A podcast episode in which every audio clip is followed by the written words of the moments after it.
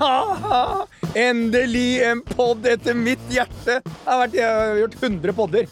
Og nå har jeg endelig fått gjennomslag for én pod. hvor vi kan snakke om de virkelig viktige tingene. I dag så har vi liksom Vi har liksom olympisk mester, vi har det, vi har fremragende eh, liksom personligheter innen reiseliv. Skal snakke om sport, reiseliv, investeringer i fjellet, snø Altså, det, det, det, det, er optimalpodden. Dette er, dette er podden for deg, Petter. Ja, dette, det, det Ja. gir meg så mye glede å starte dagen med å kjøre en pod. Og så har vi Altså, at jeg skulle stå noensinne og gjøre en pod, blant annet med han der der! Det hadde jeg ikke trodd. Han der der, det er Aksel Lund Svindal. Velkommen til deg, Aksel. Tusen takk.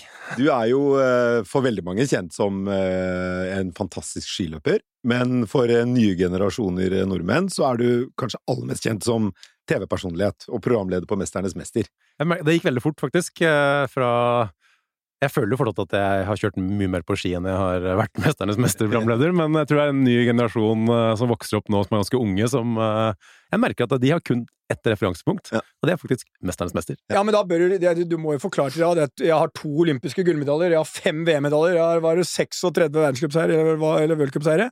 Eller hva det er for noe? Ja, Du liksom dra opp Wikipedia Ja, for en sånn ja, seksåring som står der og er litt ja, Når mesternes mester liksom blir det bluska for. Jeg vet du, det er bare All PR er god PR, vet du, Petter. Og så kanskje de lærer når de vokser opp, da, at jeg fortjente den uh, Hva skal vi kalle det for noe? Den oppmerksomheten jeg fikk på en annen måte enn å bare stille opp i TV-ruta. Og så har vi deg, Christian Lunde, som er administrerende direktør i Visit Oslo. Velkommen til deg også. Tusen takk. Du er jo reiselivsgeneralen i Oslo. Du, du er den som skal få folk til å forstå hvor fantastisk Oslo er å besøke for eh, en, eh, en helg eller uke på ferie. Ja, kjært barn har mange navn, så reiselivsgeneral, den tar jeg gjerne til meg. Så det gjør jeg gjerne, altså. Nei, få lov å jobbe med Oslo som merkevare, det er jo helt rått, etter å ha vært over 30 år i reiseliv. Det må ha blitt en ganske mye lettere jobb med årene å promotere Oslo som turistdestinasjon. Ja, nå er den jo absolutt lettere i forhold til innhold, men så er det jo sånn at det er blitt vanskeligere, for det er så sinnssykt mye å prate om. Mm. Eh, For det skjer jo noe hele tiden i Oslo-regionen, så det er både lettere, men også mer krevende. Hva er det vi skal treffe med, og hvilke spydspisser har vi? For de her begynner å bli mange av. Men altså, vi, vi har jo ett tema her i dag, for at det vi, vi skal snakke om reiseliv. Vi skal også snakke om det faktum, øh, og øh, Aksel, det er jo en grunn til at du er her, fordi at øh, vi vet jo at akkurat nå, på hver eneste fjelltopp med snø og et skitrekk, så er det utviklingsprosjekter for altså er ikke hundretalls uh, av millioner, det er sannsynligvis milliarder i utviklingsprosjekter. Og det er mange spennende arrangementer som kommer. Liksom. Det skal være VM i Trondheim i 25, og Narvik har søkt eh, et eller annet i 27, og uh, sånn. Så uh, du har jo vært med på de greiene her. Er det sånn Har du nok OL- og VM-gull? For det var jo en han Ja, som men fordi Poenget er jo at du skal jo være med å investere i et nytt uh, Fyri-konsept, er det Ja, ikke det? eller det sånn er ferdig. på- Det har vi allerede Det i eh, Hemsedal er ferdig, Ja, er Og så har du ett til på trappene nå, ikke sant? Eh, Et som vi er godt i gang med på Hafjell. På Hafjell, Ja. Ja. Og det gjør du sammen med Anders Buchardt. Yes. Ja. Ikke skjønner jeg ikke tørt med å ha noen flinke folk. Ja, men, men, men, men, altså, det begynte jo egentlig med Bjørn Dæhlie egentlig back in the days. yes. Han var først som begynte å bygge mye hytter og sånne greier på fjellet. Ja. Og så kom det en hel liten liksom eh, eh, av eh, gullmedaljevinnere som alle skulle ha sitt prosjekt eller navn på det. Hvorfor tror du Anders ville ha med deg på det greiene der? Ikke er du god til å bygge, det er vi enige om, det har du allerede avslørt. yes. Så hvorfor har han med deg? Eh, Jeg, vet, jeg håper jo at han øh, hadde noe fornuftig tanke bak det. At ikke bare, men nei, fra spøk til alvor så har jeg egentlig kjent Anders godt i mange år. Eh, og så har vi liksom hatt en god tone og vært kult å gjort noe sammen. Og så kom den muligheten eh, i Hemsedal, da. Eh, og der tenker jeg det vi har gjort i Hemsedal, er jo på en måte å bygge et hotell som folk, folk reiser for å dra på det hotellet. Um, for det hadde egentlig ikke Hemsedal på den måten, kanskje. Og det var liksom et eh, prosjekt som kanskje um, jeg syns var litt fett, at jeg, akkurat det der har jeg sett i Alpene. At du bygger ting som folk er villige til å faktisk betale litt ekstra for. For at nordmenn har jo vært litt sånn kanskje åh, jeg skal på ferie, jeg skal dit og dit, jeg trenger en seng. Og det her eh, tipper jeg du også har noe å si om, Petter. For at eh, det å faktisk bo på hotellet, det bør også Alt- være en del av Alt det der der, jeg kommer ikke til det, er ikke sant, men Ikke alt det der der, det tror jeg handler om noe annet. Jeg tror faktisk viktigheten av å ha ansikter som deg for en vinternasjon som Norge. Det er et eller annet med referansegreiene. Når Bjørn Dæhlie har bygd ei hytte, når liksom uh, Ja, men så har du, jeg, har vært, jeg har vært mye i fjellet. Ja. Og så tror jeg folk også liker å si at jeg er fortsatt masse i fjellet. Det er ikke sånn at jeg har vært der fordi at jeg ble tvunget til å være der. Jeg Men digger å være der. jeg tror, og det er Kristian, sånn, hvis du skulle markedsført Oslo som vinterdestinasjon Du ville jo hatt noe kjente fjes! Du kunne jo ikke blitt Selv Brad Pitt hadde ikke slått like bra som uh, Aksel. Eller, uh, Kanskje litt større reach, da. Ja, hvis det, det, jeg, må jeg, jeg, jeg trekker tilbake noe. du revet med, Petter. Ja. Nei, men jeg tror du har helt rett, da, Petter, for det der å ha en profil som du kan på en måte identifisere deg med i forhold til det du ønsker å utvikle destinasjon, det er jo kjempeviktig.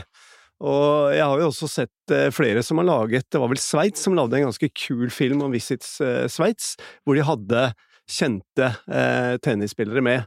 Og det, er- det er jo ikke noe tilfeldighet at de tar med seg kjendiser som skal være med å profilere, som kan treffe den identiteten. Mm. Det er jo ikke noe tilfeldighet rundt. Hvor, hvor stor er Oslo som, som eh, rei, Hvor stort er Oslo som reisemål, egentlig? Ja, altså Oslo, eh, sammenlignet til Norge, så står jo faktisk Oslo for over 30% av verdiskapningen i norsk reiseliv. Så den er jo enorm i forhold til eh, resten av Norge, fordi at vi både driver hele år, og så er vi så heldige å ha den kulturbyen som nå utvikles. Det investeres jo big time, har blitt, av private og det offentlige, og det gjør jo oss, som du, du nevnte i stad, det er jo enormt mange spennende spydspisser. Så jeg har lyst til å trekke fram det der med destinasjonsutvikling, sånn som du snakket om på Fyri.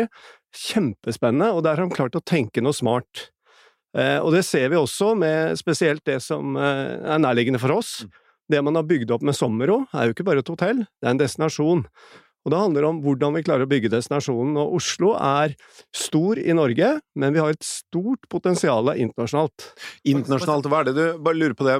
Sånn Oslo Det er vanskelig Jeg har vokst opp i Oslo og har bodd det meste av mitt liv i Oslo. Ja. Det er vanskelig å si hva er liksom Oslos trekkplaster for en typisk turist fra Spania eller USA eller noe sånt. Hva er Oslos trekkplaster nummer én? Ja, nummer én er kulturbyen Oslo. Kultur. Det er ikke tvil om det. Her drar vi altså Vi har hatt folk stående på turistinformasjonen som gråt når sk ikke Skrik var tilgjengelig. Mm. Altså, det- det er helt ekstremt. Målestokk på utvikling i Oslo. Jeg jobba jo med um, Swatch Group før, altså Longines og Omega, når jeg kjørte alpint. Og han som var eh, sjef for de nordiske markedene der, han fortalte meg den utviklingen de hadde opplevd av Omega, som er da official timekeeper i OL. Mm. Rundt 94-OL på Lillehammer. Ja. For sitt eh, klientell fra utlandet så sleit de med å finne restauranter i Oslo, som var den målestokken som de måtte ha for de amerikanske kundene, blant annet. De klar, 94 de hadde nesten ingen valg. Det var nesten ikke noe å finne. Og som han sa, nå når jeg kommer til Oslo, så er det helt sykt. Altså, det er en helt annen by enn det det var når dere hadde OL i 94. Mm. Så det er eh, Oslo har skjedd mye, og jeg tror Du sa Oslo er helårsdestinasjon, derfor er det mye turisme. Det er jo det vi prøver å få til på fjellet også. Fordi at eh, når du La oss kjøre opp Gudbrandsdalen, da. Gudbrandsdalen på sommeren, oppover dalen der, det er greit, på en måte, men du må jo få folk opp fra dalen og opp i fjellet. Mm. Da er det ordentlig fett, så da trenger du Du klarer ikke å bygge Sommoro. Det klarer du ikke å bygge på en fjelltopp i Gudbrandsdalen. Men hvis du kan bygge noe som har litt av den samme, at folk ønsker å sitte lenger på restauranten, kose seg med en flaske vin med en fin uh, utsikt, kanskje solnedgang, altså noe som gjør at folk ønsker å være der. I, Folk blir litt. I Alpene er det jo flere de er turister på sommeren enn på vinteren. Det er. Eh, er det mye å lære fra hvordan de har utvikla sine De har jo selvfølgelig litt annet klima, da. For at I Norge så må du ta med deg regnjakka. på en måte. Du Ja. kan ikke regne med at det bare skal være sol og flipfloppere. Men det å legge til rette for familieaktivitet i fjellet hele året, Mm. det har vi vært for dårlige på i Norge. Men heldigvis er vi i ferd med å bli mye, mye bedre, og det Men tror jeg er helt det er også et fenomen at de som sykler og går og sånt, og de er mye dårligere betalende enn på vinteren. Altså, det er et faktum, og det må vi forsøke å endre på. Men jeg ser jo Hafjell og Kvitfjell og Men ikke minst Åre har kanskje vært den destinasjonen i eh, Norge-Sverige Mm. som har vært mest liksom sånn bevisst på det. Men de gjør én annen ting som jeg savner litt i Norge. Det er det miljøet i Kall det byen, da. Ja, det, Altså, det er- Tilbudet i byen, altså, for det handler om Uansett, når du, du snakker om Oslo, det er jeg helt enig i, hva som har skjedd i Oslo, Mm. men se på vinterdestinasjonene våre. De, de har for dårlig tilbud på liksom uh, spisesteder og hvor du gjør Men du må på en måte spille på det du er god på, for at uh, hvis du ser på vin vin- vintersteder i Norge, så er det veldig få av de som har et sentrum i utgangspunktet. Jeg kan ta USA til og med. Ja. USA Aspen er en gammel gullgraveby. Mm. Derfor er det et fett sentrum de kan bygge noe ja. Det er dritfett. Det er dritfett. Mens veldig mange andre steder så er det bare laget en turistdestinasjon, og da sliter de med å få til sentrum, for det har liksom ikke noen ordentlig sjel. Mm. Men det vi kan få til i Norge, hvis du tar, ta Hafjell og Kvitfjell som du nevnte, hva er det du har der som du ikke har nesten noe sted i Alpene? Du har infrastruktur, altså vei, som går opp i fjellet. Det vil si at på Hafjell og Kvitfjell kan du lage et sentrum oppe i fjellsida. Sånn, egentlig sånn som du har på hotellet ditt på Copperhill. Ja. Tenk deg hvis du kan lage et sentrum oppe i fjellsida, hvor mye fetere det er enn å sitte nede i dalen. Ja, men de, de gjorde jo det, men de tapte en milliard på det. Ja, men- og så kom du og kjøpte det, ikke sant? Ja. Men det er det jeg mener. Hvis du, bygger, hvis du bygger litt stein på stein, og ikke liksom klinker til med det prosjektet med en gang, Ja. så tror jeg at det, nøkkelen i Norge for å få sommerturisme er at du må flytte folk, lage de sentrumene oppe i fjellet. Analysen deres var helt riktig, bortsett fra at de var ikke Cermat. De var i Åre. De Så- Og det er en Og forskjell. det hotellet burde, det burde ligget liksom i Cermat. Da hadde det vært, eh, hadde vært verdt eh, over de penga de investerte. Men vi må spille på det vi er gode på. Du har akkurat vært i Alpene sjøl. Ja. Jeg, skal- altså, jeg gleder meg som en unge Courchevel. Dritfett anlegg. Ja. men vi blir jo aldri Courchevel eller Tre Daler i Norge. Altså bare for, liksom for å ta utforløypa som vi nå ser på TV da, når det er VM. Den er kanskje en tiendedel av anlegget Courchevel, og i tillegg så har Courchevel kobla med Maribel og Valtora. Altså det er, jeg tror det er 350 heiser. Det er jo en sånn enorm Det er enormt! Vi, det blir aldri vi. Men i Norge, det er sinnssykt koselig, og dessuten, nesten alle som er på ski i Norge, har ski in, ski out. Det der, I Alpene så må du veldig Men ofte sette deg på en buss, så vi har noe å spille på som er jævlig bra. Ja, men det er interessant for å si at uh, Oslo blir på mange måter innfallsporten. De jeg møter i utlandet som har stått på ski i Norge, vet du hvor de har stått? Og her er feil svar. Kvitfjell, Hafjell De har stått i Tryvann, Nei! De har stått i Nord-Norge! ja, på randonee. Ja, på randonee! Og det er franskmenn, det er tyskere, det er sveitsere. Og den skiguiden min i Cermat, han sa det nesten han skulle. Han skulle randonee i Norge. For han ville kjøre fra toppen av fjellet og ned til vannet. Ja. Og det, det har jo blitt ganske stort. Og vi, vi må, jeg liker det der, og det, det spørsmålet er til deg, Kristian. I gamle dager så var det sånn det var helt dødt ta en by som Tromsø, Nordens Paris. Det var helt dødt i mørketida. Altså, det var ikke kjeft. Så var det noen som fant ut nordlys, mørketid, og et fenomen at eh, barna blir bedre hvis du lager under nordlys eller noe som asiatere trodde. Og nå er det altså, det er pakkfullt! Hva er Og du sier kultur. Vi kan liksom Det er mange som mener mye om alle de museene og alt som har kommet, men så sitter du og sier jo, jo, det er det viktigste for Oslo nå å selge. Det er ikke lenger Holmenkollen og Marka og det, er, hvor liksom Nei, altså, Tromsø syns jeg, sammen med, med Visit Norway, har gjort en kjempejobb med å profilere nordlyset som en unikitet. Og det er jo helt rått. Jeg heier på Tromsø. Eh, De sliter jo nå med sommerturisme, så de må jo tenke litt på det, hvordan de skal få til det. For det, nå er det jo så fullt at du får ikke plass, verken på fly eller overnatting. Men eh, for Oslos del Det er del forferdelig. Ja, det Særlig med overnatting, ja. Det er, det, det er en personlig tragedie for deg, Petter. Ja, men det er nei, men Det geniale- tilbake, til altså, eh, Hvorfor jeg nevnte kultur, er at det er en spydspiss som Oslo kan skille seg ut med. Også når vi da har den spydspissen vi, vet- Aksel, du var innom matscenen i Oslo. Det har vært eh, revolusjonerende. Nå oppleves jo vi med både Guide Michelin-restauranter og gjør oss attraktive, så gode kokker velger å etablere seg her. Jeg har hørt folk komme hit for å drikke kaffe, til og med. Ja, ja jo, men eh, han er jo verdensmester. Eh, så, så det er disse spydspissene som gjør Og kultur, så kan du si, hva er kultur, da? Tenkte du på kunst og kultur, men det er jo også matkultur. Det er på en måte Og Oslo er jo en sånn unik posisjon, nemlig det at vi både har marka og fjorden i nærheten. Så hvordan kan vi utvi, utvikle det til å bli noe spesielt? Og jeg er helt enig med deg, vi kan ikke, jeg er også litt ivrig til å kjøre ski i Dolomittene, får aldri det i Norge. Men hva er det vi kan ta med oss? Og her tenker jeg, Oslo er én ting, men hvordan kan vi se hele Norge som en pakke? Og der har vi en jobb å gjøre. Fordi at eh, det er veldig mange internasjonale turister som kommer til Gardermoen, kanskje tar en tur innom Oslo, og så skal de ha den derre 'doing the Nordics'. Men vi, 'doing Norway', det er der vi vi må vinne. eh, altså jeg har vært én tur i Alpene, ellers har jeg vært eh, på fjellet i Norge stort sett hver helg hele vinter.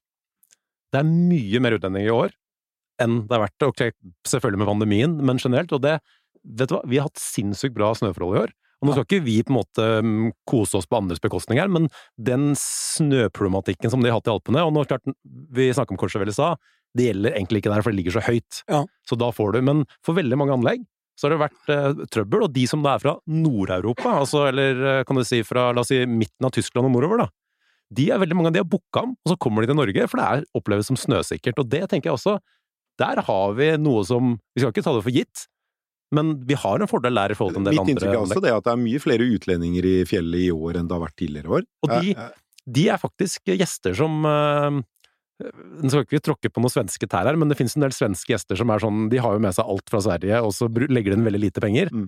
Men uh, nå har det vært mye nederlendere, tyskere, folk som legger igjen penger også på hotellene, og det er viktig. Hvordan er det med disse? Stopper de innom Oslo på veien, eller? Uh... Noen, men vi skulle gjerne sett at flere gjør det. Og der tror jeg nok det at vi må se litt på hvem kan vi lære av. Mm.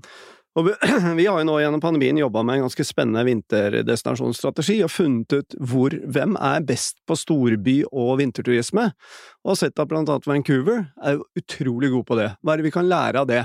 Og så tenker jeg vi må også klare å samarbeide bedre vekk fra kommunegrensene. Nå står jeg sånn som Visit Oslo-mann, men jeg er veldig opptatt av at hvis vi samarbeider bedre i regionen vår og i landet, så tror jeg vi har et stort potensial bare for å vise fram den buketten vi har, med innhold. Og da snakker vi eh, Når man drar til Alpene, alle nordmenn som drar til Alpene, så lander det stort sett i Innsbruck. Hvor lang busstur har du da, stort sett, eller biltur? Det er alltid fra halvannen til tre timer. Mm. Hvis du lander på Gardermoen og har en tretimers eh, radius, da det er kommer du mange steder, altså. Nå har de jo fått tilbake skitoget også.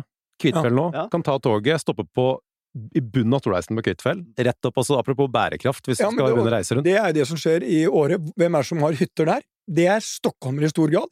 Det er åtte timers biltur, og de kjører opp på Viken. I Norge er, sånn, er det mer enn to og en halv time, så blir det jo åh, det er for langt. Og de tar også toget. Nattoget. Men jeg har ett poeng, og det er sånn eh, et spørsmål. Vi er eh, verdens rikeste nasjon. Vi har alle pengene i verden. Og nå har det vært OL mange steder som eh, man kan diskutere liksom både sommer og vinter. Hva- Altså, tanken om et nytt vinter-OL Si at Norge og Sverige hadde sagt nå skal vi vise hvordan vi skal arrangere vinter-OL, sånn OL virkelig skal arrangeres. Er den helt død og fjern? Den er i hvert fall livsfarlig. Eh, Ja, for da- Her er det noen som har veldig mye å si, men det som er min holdning til det, er at eh, For nå har den debatten vært skal Norge ha eller ikke ha OL, og så har det blitt sånn nei, vi skal ikke ha OL for at det er så mye fælt og IOC og ditt og datt. Og så er det andre som skal ha OL. Og da skal vi stort sett sitte i Norge, skal vi peke fingeren på de andre og si det er feil, det er feil, det er feil, men vi skal reise dit og ta alle gullmedaljene vi klarer likevel. Så på et eller annet tidspunkt så kommer det her, her til å bli en debatt. Skal OL legges ned? For Norge kan ikke si at alle andre er idioter og IOC er idioter, og reise verden rundt og ta gull, og aldri rekke opp hånda og arrangere sjøl. Så denne debatten må flytte seg fra skal Norge ha OL eller ikke OL, eller skal vi si eneste måten vinter-OL kan overleve, er hvis vi også er med å arrangere bursdag en gang iblant. Ellers så kommer det ikke til å skje.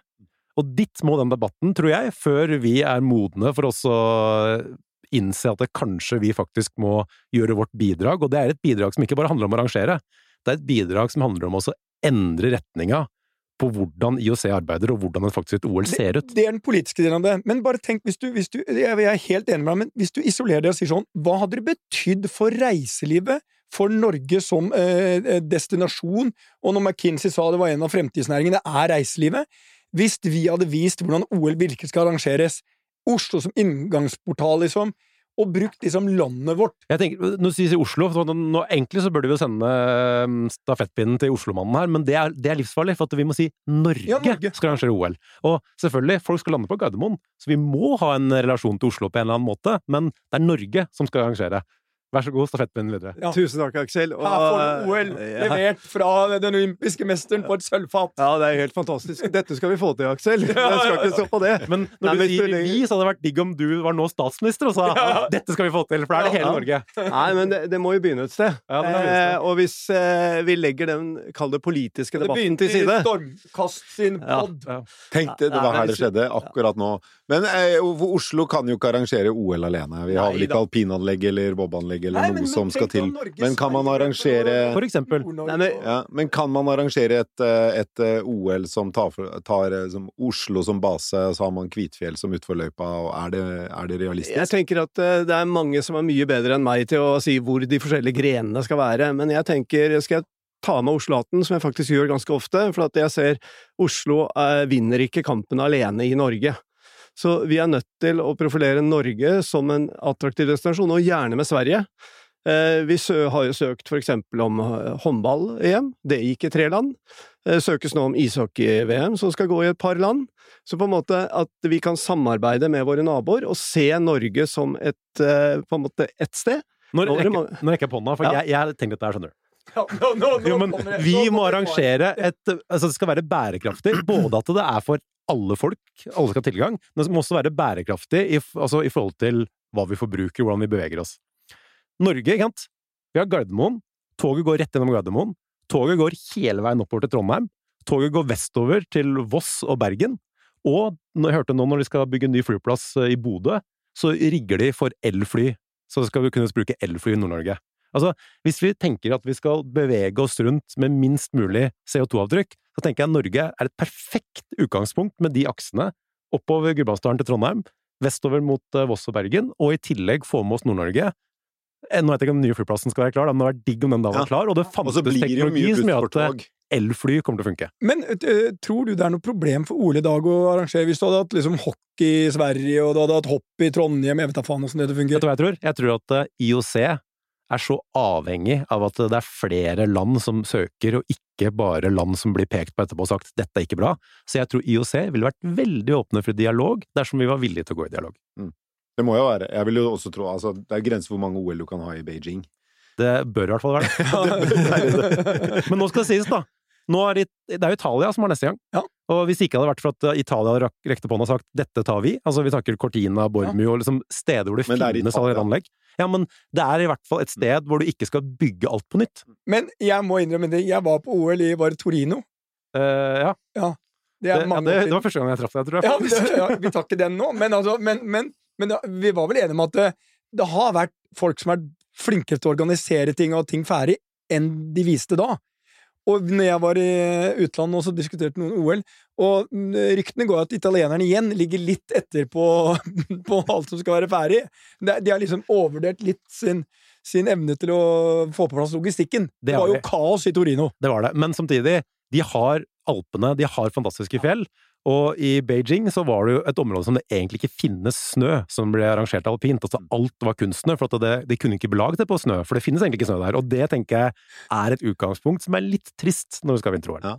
Kristian, i Oslo, øh, hva slags type turister er det som kommer til Oslo nå? Er det det man tror? Det er stort sett folk med god råd? Ja, og det, det er det vi ønsker også, for at Oslo er en by med mye innhold, men det er heller ikke gratis. Mm. Men det vi ser etter pandemien, er at Oslo har jo også blitt en sommerdestinasjon for nordmenn, og det er ganske kult. Mm. Eh, man reiser faktisk på storbyweekend til Oslo istedenfor en annen storby i Europa, så det er et kjempespennende Holder det seg nå? Etter? ja, det holder seg. Vi så faktisk at eh, hvis vi skal helt ned i paien på statistikk, så hadde vi flere overnattinger i 2022 enn vi hadde i 2019. Mm. Og det var ene og alene på grunn av at nordmenn besøkte Oslo mer. Det var ikke utlendinger, for de ligger litt bak. Men hvem som besøker oss, det er jo Vest-Europa. Vi ser tyskere, nederlendere. De bruker oss gjerne til en weekend, eller reiser videre inn i landet for å stå på ski eller andre ting. Så det der, kombinasjonen av det tror jeg er kjempeviktig. Men hvordan vi skal videreutvikle det, er jo nærmere mye her, da. 15 000-20 000 eh, rom å bo på i Oslo. Mm. Så her, og Oslo-regionen, så treffer vi liksom halvannen million mennesker også, som bor her. Og det der være turist i egen by har også blitt mye mer populært. Og at vi nå har et år som går inn i 2023, aldri vært så mange arrangement på agendaen noen gang i denne byen her. Det er helt rått av konserter, festivaler, små klubbarrangement, og det er også noe som skaper en attraktivitet for en helårlig besøk. Og da tenker jeg, hvordan kan vi få de til å komme hit på grunn av at vi er helårlige, men også bruke resten av landet, så de blir to-tre dager ekstra, for da er vi innom bærekraftig verdiskaping. Der kan vi påvirke, nemlig hvordan vi får de til å bli lenger. Mm. Og da bruker de mer, og eh, avtrykket blir mye mindre. Altså, det er, det er, vi er enige om at det, Norge har et eh, stort potensial, men det er jo også en sannhet at det, det inntrykk som skapes etter å ha vært der Jeg satt sammen med noen engelskmenn i heisen der bare for noe kort tid siden, og de var mest sjokkert over prisen på øl på Trysil. Mhm. Og, og når de sa hva det kosta, sa jeg å ja, da var det heller var sånn happy hour. Og de sa hæ? Ja, ja, det, det der var ikke dyrt i det hele tatt. Og de var helt sjokkert. eh, Så, så de sa det er faktisk billigere for oss å dra da til Courchevel, som er etter mitt syn jævla dyrt. Eh, For det å spise var dyrt, og det er det de, det de ser er oi, dyrt å spise. Mm. Altså, det, jeg tror ikke vi kan gjøre noen ting med hva ølen koster, de tingene. Så hva kan vi gjøre eh, for å gjøre Norge mer attraktiv som destinasjon, med utgangspunkt at dette er ikke noe billig, her er det faktisk ganske dyrt. Da, da må vi faktisk også treffe på de forventningene de har til kvalitet. Ja, Yes. Du har kvalitet både på det du får, hardwaren, altså både hvor du bor, hvor du spiser og, og hva du opplever, men du må også treffe kvalitet på service. For hvis du treffer, du er villig til å betale ganske mye for god kvalitet på mat, drikke og opplevelser, og ikke minst for god service, Mm. blir vi når vi blir i verdensklasse der, så er folk villige til å betale de åtte-ti pundene for den ølen det eventuelt måtte koste, for det er ikke det som er regnestykket. Og vi ser også på kongressmarkedet, som vi jobber ganske mye med. Vi vinner anbud, vi, mot både Hamburg og London og Berlin, fordi totalpakka blir ikke så mye dyrere, men opplevelsen og innholdet blir mye bedre. Og der kan vi score, for vi må også fremheve hvor jævla bra innhold vi har.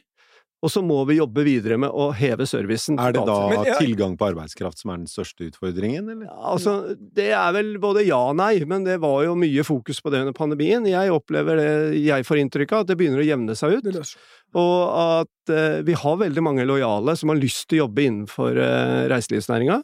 Og flere og flere kommer til, men det er en jobb å gjøre. Men det Eh, problemet er overalt. ja. Altså det er Om du bor på et hotell her eller i Østerrike, eller så er det problemet er internasjonalt. Det er en annen generasjon som vil ha mer fritid og ikke like lange dager. Men Aksel, følgende. Mm. Når du er bør ikke dra langt. Du drar bare til Åre. Der kan du kjøre eh, Porsche, som du er veldig glad i, eh, eller eh, sånne biler, på isen. Det, det, det, folk syns det er helt fantastisk. Du trenger ikke å dra til Åre, du kan dra til Hemsedal og gjøre det. Ja, du kan Vi gjøre kan holde oss i Norge. Ja, det men, Legger igjen penga i Norge. ja, jo, jo, men så, så kommer neste. Du kan kjøre snøscooter på egne sånne ganske mye merka løyper. Du kan kjøre ATV på sommeren. Mitt inntrykk er at de legger det, Og det er mulig at jeg har feil inntrykk, eh, så jeg håper det. Mitt inntrykk er at de legger forhold til rette for at du skal kunne oppleve å være mye mer aktiv hele året enn du får nesten anledning til i Norge. Og det er, dette her vet jeg ikke mye om, men bare følelsen min er det. Du tenker året nå versus norske skisenter? Ja. ja. Ja, der er eh, Altså, Trysil er vel de som har vært flinkest i Norge foreløpig. Men der har uh, vi vært litt bakpå, rett og slett. Jeg tror faktisk det begynner litt i din business, altså overnattingsalternativene. Altså hvis du har litt sånn enklere overnatting, og det er egentlig det beste du kan gjøre, er å låse døra når skisenteret også skrur av heisen, på en måte. Da, ja, men da, da får du én. Du får bare sesongarbeidere, så du får liksom ikke den passion. Og så får du ikke Du må skape opplevelser rundt middagsbordet også. Eh, Fordi opplevelsene på vinteren er litt, det er litt, det er litt lett, litt, det er litt godt vant. Når folk har stått på ski og hatt fantastisk hele dagen, så er det ikke like kritiske, kanskje, når du skal eh, sitte rundt middagsbordet. Selv om gjestene blir mer og mer kresne her òg, men på sommeren så tror jeg vi må jobbe enda mer for å skape den totalpakka, og der, helt riktig som du sier, der har året vært eh, tidligere ute enn det norske skisenteret har. Men de norske kommer. Altså, Trysil som den første, Hafjell har satsa masse, Hemsedal er i ferd med å satse mye. Altså, det norske kommer for fullt, for alle innser at det er en vinn-vinn for hele Altså politikerne, til og med, holdt jeg på å si, for de kan jo være litt trege, de skjønner at det er bedre å få folk til å flytte hit, for at de jobber her hele året, istedenfor at de pendler fram og tilbake og bare er sesongarbeidere. Legger til rette. Det som gjør meg mest bekymra, er egentlig reiseveien til hytta, fordi det vil komme jo til å bli ganske mange mennesker som skal reise opp og ned til disse destinasjonene i årene fremover. Da. Det blir lange køer. Det er på tide at du begynner å ta toget, kanskje? Ja, men, ja, men det, er, det er vel snart dobbeltspor eh, langt oppå Gudbrandsdalen, og altså jeg mener at det der, der det er et problem som er, blir bedre og bedre, og ikke verre og verre. For det blir investert mye i eh, infrastruktur. Det har vel aldri tatt så kort tid å reise til Hafjell noensinne. Jeg husker når vi hadde hytte der første gangen, hvor lang tid tok, og kontra i dag. Så det er bare en følelse du har når du sitter der. Jeg, Men, jeg skal andre veien, jeg skal oppover Hallingdalen. Du der- kjører vel egentlig det der eh, Tito-konseptet tirsdag, torsdag, ti til to, så det er vel ikke så stort problem med kø Nei, for deg sånn eh, det gjør på jeg torsdag ikke. ettermiddag. Jo, jo, men sånn, det, er, det er vel ikke mye kø. Det er vel mer kø på Coop-en, tenker jeg. Det er masse kø. Men uh, dere, tusen takk. Vi må runde av nå. Men uh, aller sist, uh, hvordan ser norsk turistnæring ut om 20 år? Jeg tror at vi er dødsflinke til å levere på det som vi er gode på. Altså, vi har eh, fantastiske naturopplevelser her i Norge, og naturen er ganske nær. Altså, den er tilgjengelig for mange. Og det er det som jeg mener er helt konge med ski. Tenk, du kan sitte tre generasjoner, altså bestemor på 80 til barnebarn, sitter på samme stolheisen, og alle kommer seg til toppen av en fjelltopp, nyter utsikten og kan kjøre på sammen ned. At vi er flinke til å lage mange konsepter som gjør at eh, folk kommer seg ut på en relativt enkel måte, og kan nyte det som vi er gode på i Norge, og det er natur. Christian? Jeg håper og tror at vi eh, i løpet av 20 år har eh, klart å samordne hverandre mye bedre, så vi klarer å samarbeide. Og så gleder jeg meg til at vi både har gjennomført OL og startetappen på Tour de France. Da tenker jeg Oslo får, og Norge får, en oppmerksomhet som vil ja, sette spor, hvor vi faktisk vil få en helårsturisme i hele Norge som får fram de unike verdiene vi har, toppa med verdens beste service og innhold. Jeg tror om uh, 20 år, uh, hvis jeg skal uh, lene meg til McKinsey-rapporten, så er eh, norsk reiseliv eh, en soloppgangsnæring uten sidestykke og har vokst med 50 000 ansatte i næringa. Og at Europa sier 'look to Norway', og det samme året, eh, i 43, da skal eh, den gamle legenden Aksel Lund Svindal han skal være med å åpne OL i Norge for hele landet, som viser seg å bli best Da har han best- endelig trukket seg best- som Mesternes mester. Ja, da, da vinner han Mesternes mester på den pensjonistgreiene. Må bæres ut. Ja, ja. Og der kommer den gamle legenden, og alle husker ham fra Mesternes mester, og eh, han som sitter og kommenterer, han må fortelle at denne mannen vant også en rekke store skirenn. Deilig optimisme, da. Ja, deilig. Dere, tusen takk for at dere kom i studio. Kristian Lunde i Visit Oslo og Aksel Lund Svindal. Tusen takk. Vi snakkes igjen neste uke, Petter. Det gjør vi.